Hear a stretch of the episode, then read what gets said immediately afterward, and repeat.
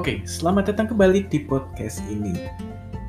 Pada kesempatan kali ini, kita akan berbicara mengenai politik internasional di Eropa.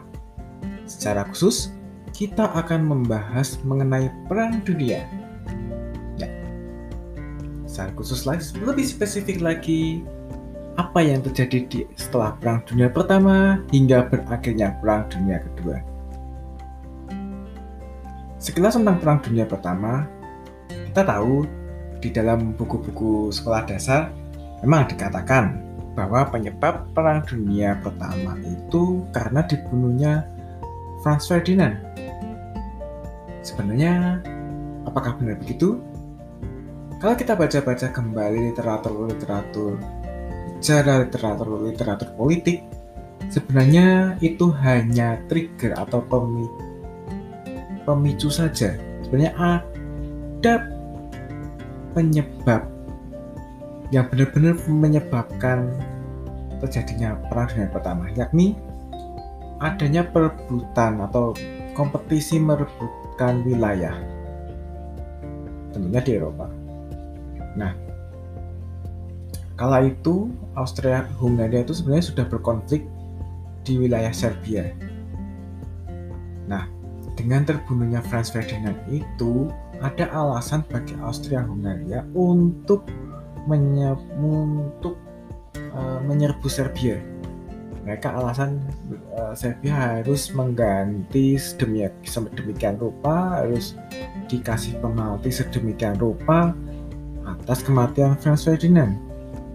Tapi tentu dan di mana klausul itu tidak mungkin dipenuhi oleh Serbia. Dengan kata lain memang sengaja Austria Hungaria itu mengajak perang Nah, ini, ini kemudian menyangkut juga tidak hanya Austria-Hungaria dan Serbia, tetapi juga nanti akan menyangkut Jerman, Rusia, di mana uh, Jerman ikut-ikutan karena Rusia sendiri tidak peduli dengan ultimatum Jerman untuk tidak mencegah Austria-Hungaria. Intinya Jerman dan Soviet, oh sorry, Jerman dan Rusia itu sebenarnya sudah setuju untuk saling berdamai. Tetapi pada Jerman merasa bahwa Rusia ini tidak menjalankan perjanjian yang mereka sepakati bersama. Maka Jerman akhirnya mendukung Austria Hungaria. Nah, Rusia yang tidak terima akhirnya juga ikut-ikutan. Jerman juga ultimatum Prancis tetapi nggak didengar supaya Prancis itu diam aja gitu. Tidak didengar. Artinya Jerman uh, Jerman memutuskan untuk menyerang Prancis di mana Jerman juga harus melewati Belgia. Belgia sementara itu daerah netral tetap. Daerah netral yang telah disepakati oleh Jerman dan Inggris. Juga Prancis akhirnya juga diduduki oleh Jerman karena lebih mudah untuk mencapai Prancis itu jika melewati Belgia. Nah, akhirnya uh, Inggris tidak, tidak terima dengan hal itu sehingga Inggris akhirnya ikut-ikutan perang. Complicated, memang.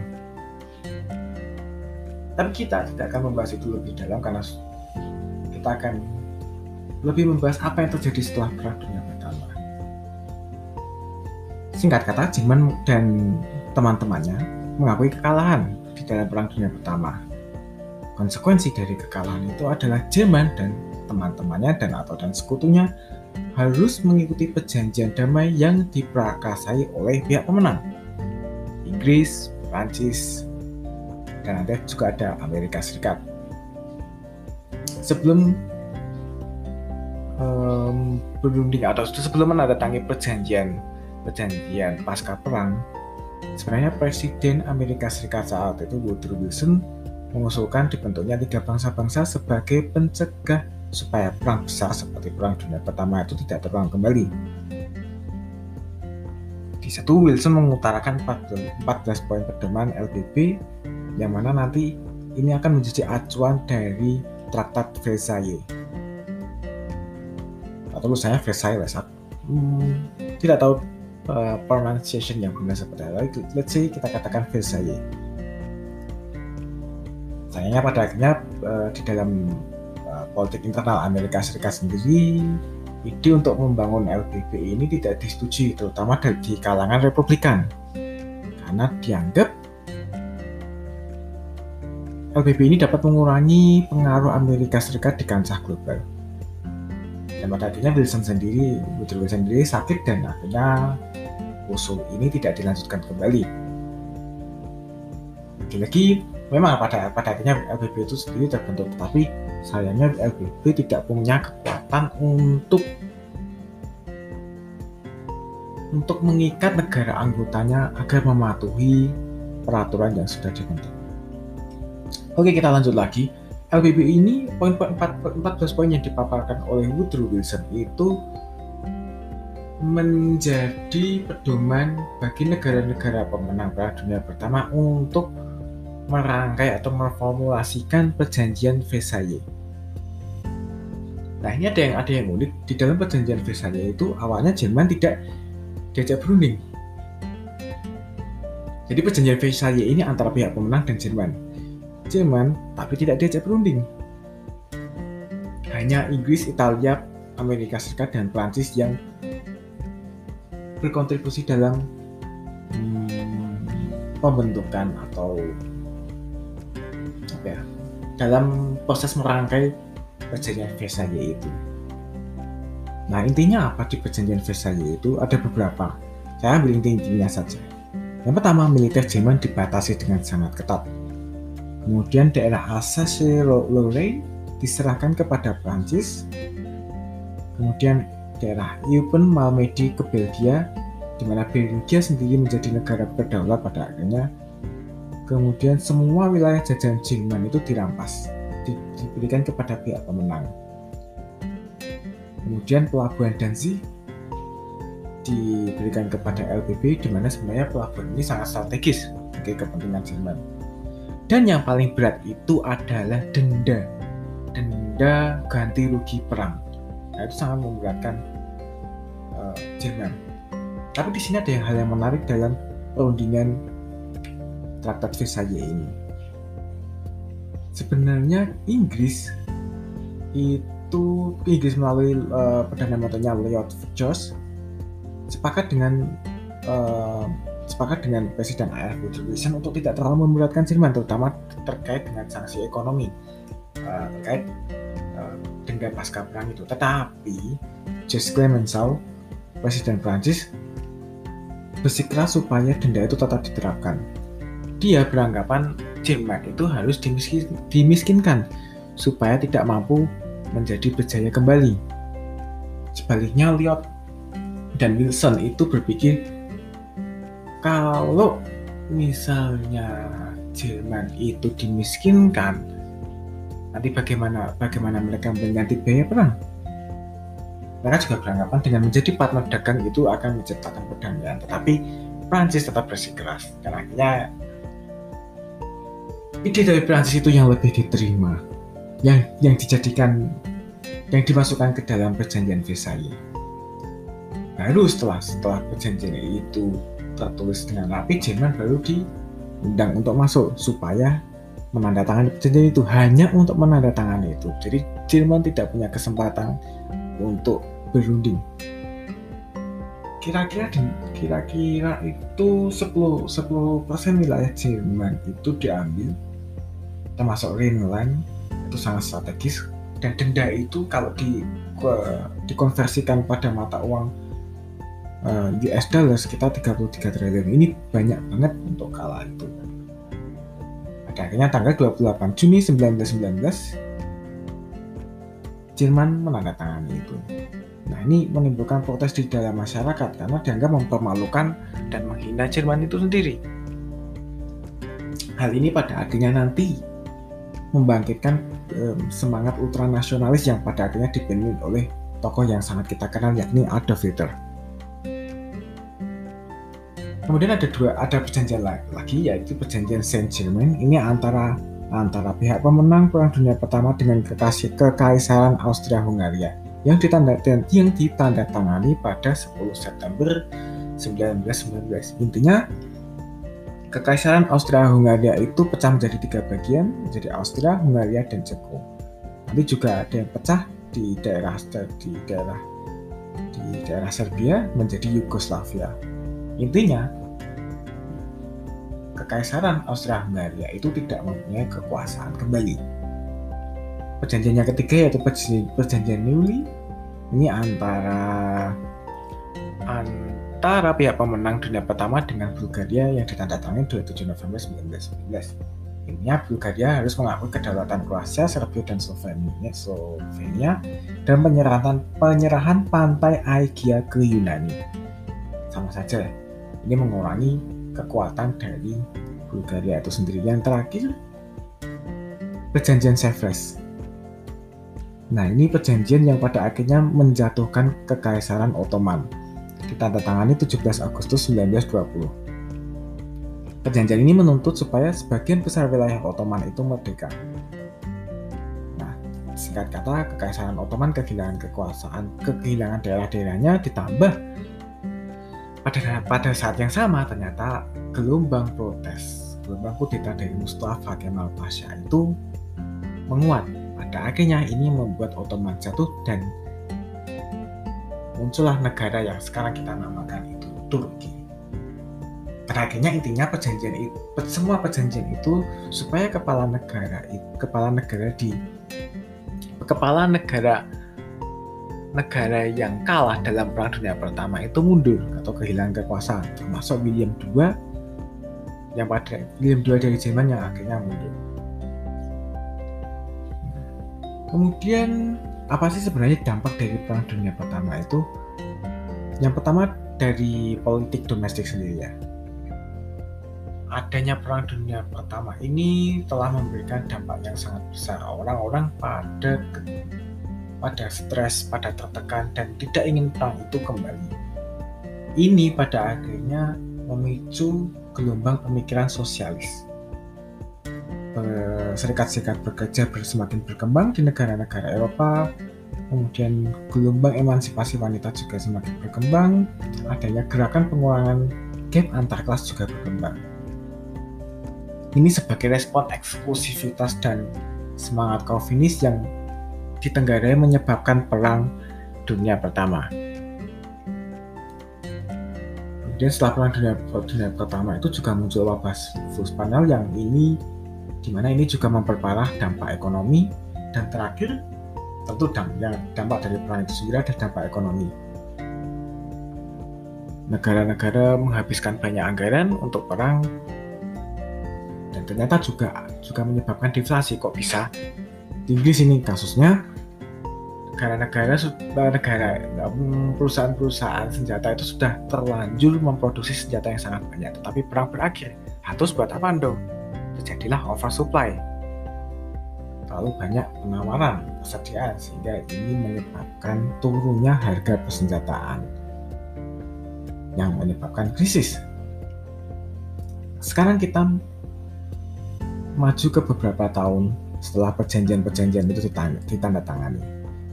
Muncul fenomena the roaring the roaring I don't know how to pronounce this. The, the roaring twenties Nah, apa The Roaring Twenties ini? Uh, ini fenomena di mana ekonomi dunia itu mulai bangkit.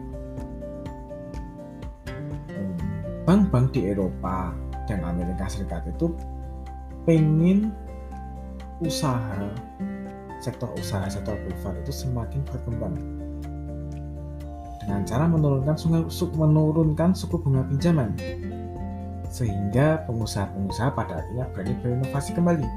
Apa yang terjadi dari jadi itu? Minjam peminjam minjam utang bank itu mudah pada saat itu. Jadi pengusaha-pengusaha meminjam utang untuk berinovasi, peminjam melakukan hutang, kemudian dengan hutang itu mereka berinovasi sehingga mereka mau mampu menciptakan produk-produk yang unggul, terutama dalam hal ini bidang teknologi. Teknologi semakin mutakhir mesin-mesin yang semakin canggih mulai muncul yang pada akhirnya mempermudah pekerjaan orang-orang. Akibatnya lagi orang-orang jadi punya waktu lebih karena semua pekerjaan terba dibantu oleh mesin. Nah ini pada akhirnya menciptakan bangkitnya ekonomi pada kala itu. orang-orang berani mengkonsumsi, kemudian sektor usaha juga bangkit. Bagaimana dengan di Eropa? Di Eropa sendiri, khusus di Eropa, ini ada yang menarik. Pada tahun 1923, Hitler itu sudah ada dan sudah, udah, udah mulai muncul di politik domestik Jerman. Hitler, Hitler mempropagandakan ultranasionalisme. Sudah dari 1923, tetapi kalah. Nah ini kenapa? Ada yang namanya Dose Plan. Dose Plan itu adalah inisiatif dari pemenang Perang Dunia Pertama yang terdiri dari Inggris, Amerika Serikat, dan Prancis buat ngasih bantuan ekonomi ke Jerman. Tujuannya apa sih? Dengan memberikan insentif, diharapkan Jerman itu bisa mendirikan usaha-usaha kembali, terutama pabrik-pabrik baja. Jerman terkenal penghasil baja yang bagus. Dengan memberikan insentif, pabrik-pabrik bisa berdiri kembali dan menggerakkan ekonomi. Dan pada akhirnya pelan-pelan juga bisa membayar hutang, hutang uh, ganti ganti rugi perang. Nah, pada keberhasilan ini membuat oposisi Hitler itu jadi naik daun. Jadi selama 4-6 tahun, 4 sampai 6 tahun, ekonomi Jerman itu membaik. Karena industri baja memberikan memberikan revenue, memberikan pendapatan, juga membuka lapangan kerja. Kita maju ke tahun 1929 sampai 1930. Ada apa itu? Ya, Great Depression atau krisis ekonomi tahun 1930.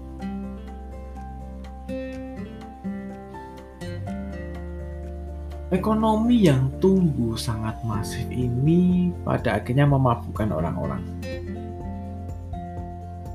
Orang-orang jadi sering konsumsi dan juga investasi di saham tetapi tidak mempunyai kemampuan tidak berhitung secara cermat.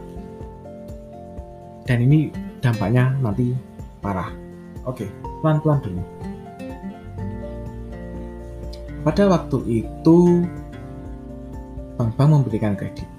Tetapi sayangnya bank-bank itu memberikan kreditnya tidak selektif. Jadi asal memberikan kredit. Gak tahu nih kredit utang ini nanti pada akhirnya digunakan apa? Ternyata digunakan oleh orang-orang itu untuk keperluan konsumtif. Ini terjadi di Eropa dan Amerika Serikat ngomong. Nah,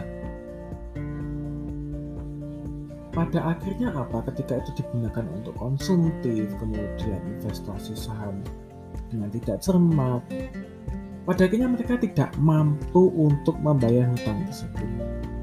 Nah, bang mau menaik pinjaman juga mau gimana? Nah, karena dia yang yang yang di yang diutangin pun nggak punya uang untuk membayar.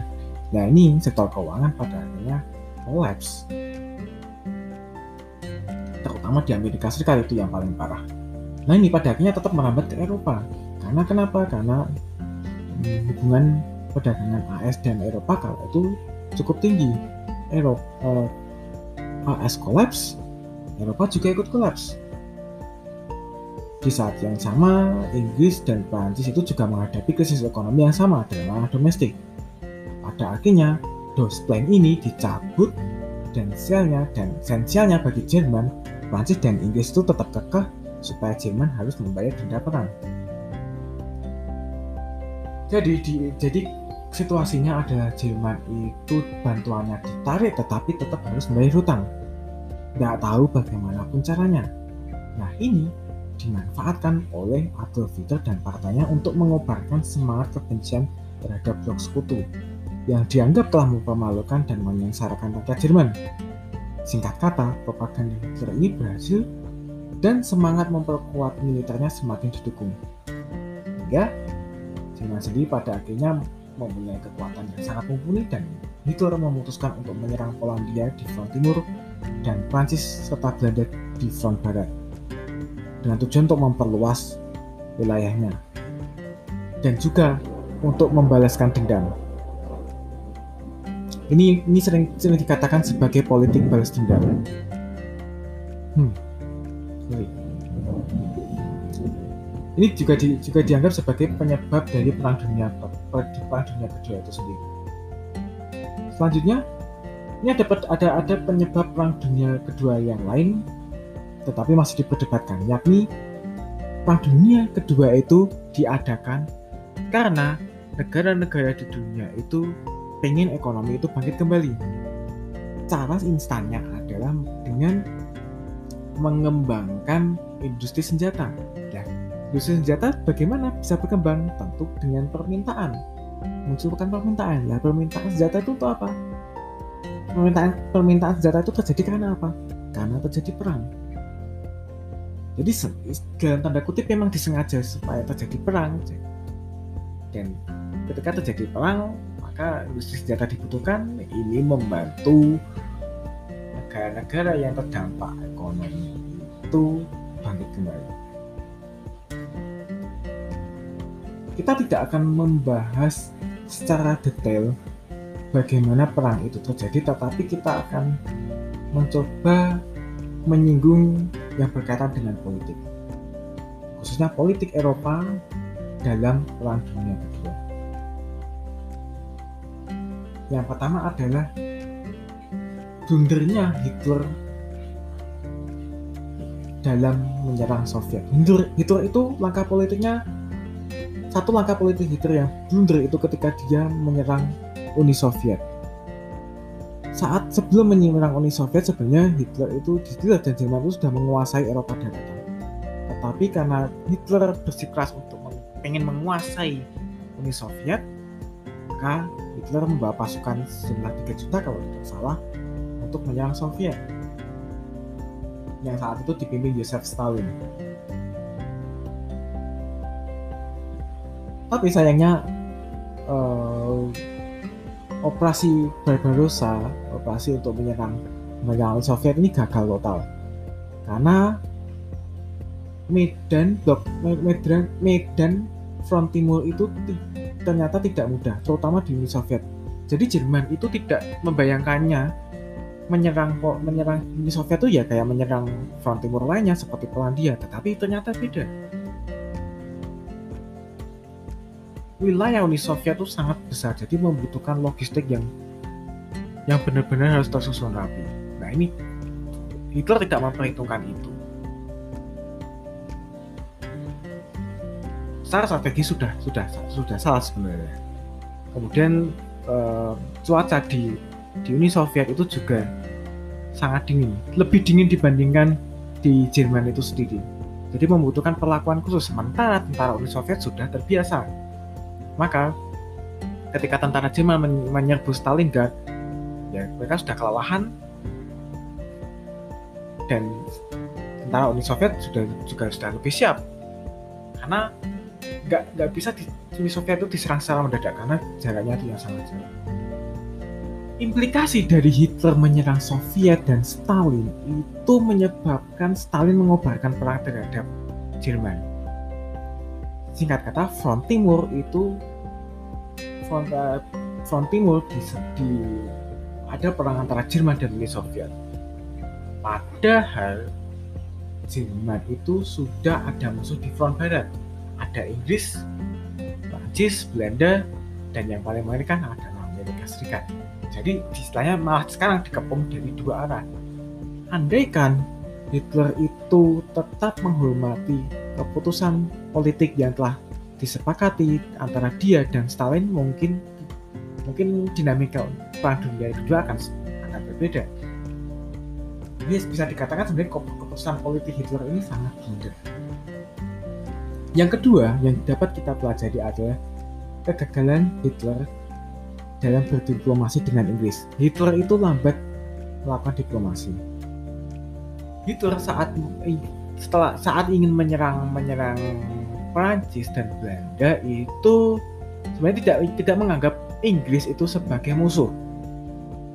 Kalau teman-teman teman-teman pernah melihat film Dunkirk, yang di, dibintangi Christopher Nolan. Eh sorry yang dari Christopher Nolan. Itu bayangannya seperti itu. Mereka pada uh, tentara Prancis, Inggris dan Belanda itu terpojok di pantai tapi sebenarnya Jerman itu tidak mau berurusan dengan Inggris. Nah, pada pada menyerang, pada saat menyerang itu Jerman belum berdialog dengan Inggris terlebih dahulu sehingga bisa menciptakan kesepahaman bersama. Nah, Inggris itu ngertinya kok Jerman kini kenapa kok ikut-ikut kok, kok menyerang, menyerang tentaramu kenapa? Nah ini setelah, setelah tentara Prancis, Belanda dan dan Inggris berhasil menyeberang dari Prancis ke ke Inggris menyiapkan pasukan barulah si Hitler Hitler itu mengatak, me, mengirimkan nota kesepakatan damai. Nah ini tidak diterima oleh Perdana Menteri Inggris saat itu Winston Churchill. Ya sudah, akhirnya Inggris menjadi musuh Jerman. So, Churchill memutuskan untuk mendeklarasikan perang terhadap Jerman. Nah Inggris kenapa kenapa Inggris ini patut, patut diperhitungkan? Karena berbeda dengan Prancis dan Belanda, militer Inggris itu lebih kuat, terutama angkatan lautnya. Dengan kata lain, perairan Eropa itu sebenarnya sudah dalam tanda kutip dikuasai Inggris. Nah, Jerman sakit gara-gara kalau dengan Inggris sebenarnya. At the end, pada akhirnya perang di Eropa itu perang dunia, dunia kedua di Eropa khususnya berakhir setelah Berlin dikepung oleh Soviet dari timur dan dari barat dikepung oleh Inggris dan Amerika Serikat. Jerman pada akhirnya mendeklarasikan kekalahan. Sebelumnya Italia juga sudah mendeklarasikan kekalahan setelah dimulai setelah, setelah Mussolini itu sendiri dieksekusi oleh masyarakat Italia. Singkat kata, apa yang terjadi setelah Perang Dunia Pertama, Perang Dunia Kedua? PBB dibentuk, Jerman dibagi dua blok, Timur diawasi Soviet, sedangkan Barat diawasi oleh Amerika Serikat. Hal ini Eh, landasan hukumnya perjanjian Potsdam. Dan yang lebih penting lagi, dan menjadi alasan kenapa kita sebaiknya eh, kenapa kita sebaiknya belajar mengenai sejarah diplomasi Eropa itu karena perang dunia pertama dan perang dunia kedua itu sebenarnya menjadi fondasi kenapa masyarakat di Eropa itu ingin membentuk organisasi regional yang pada akhirnya menciptakan European Union atau Uni Eropa. Lain waktu akan dijelaskan, tetapi ada dua petunjuk yang, saya, ingin saya sampaikan. Kenapa?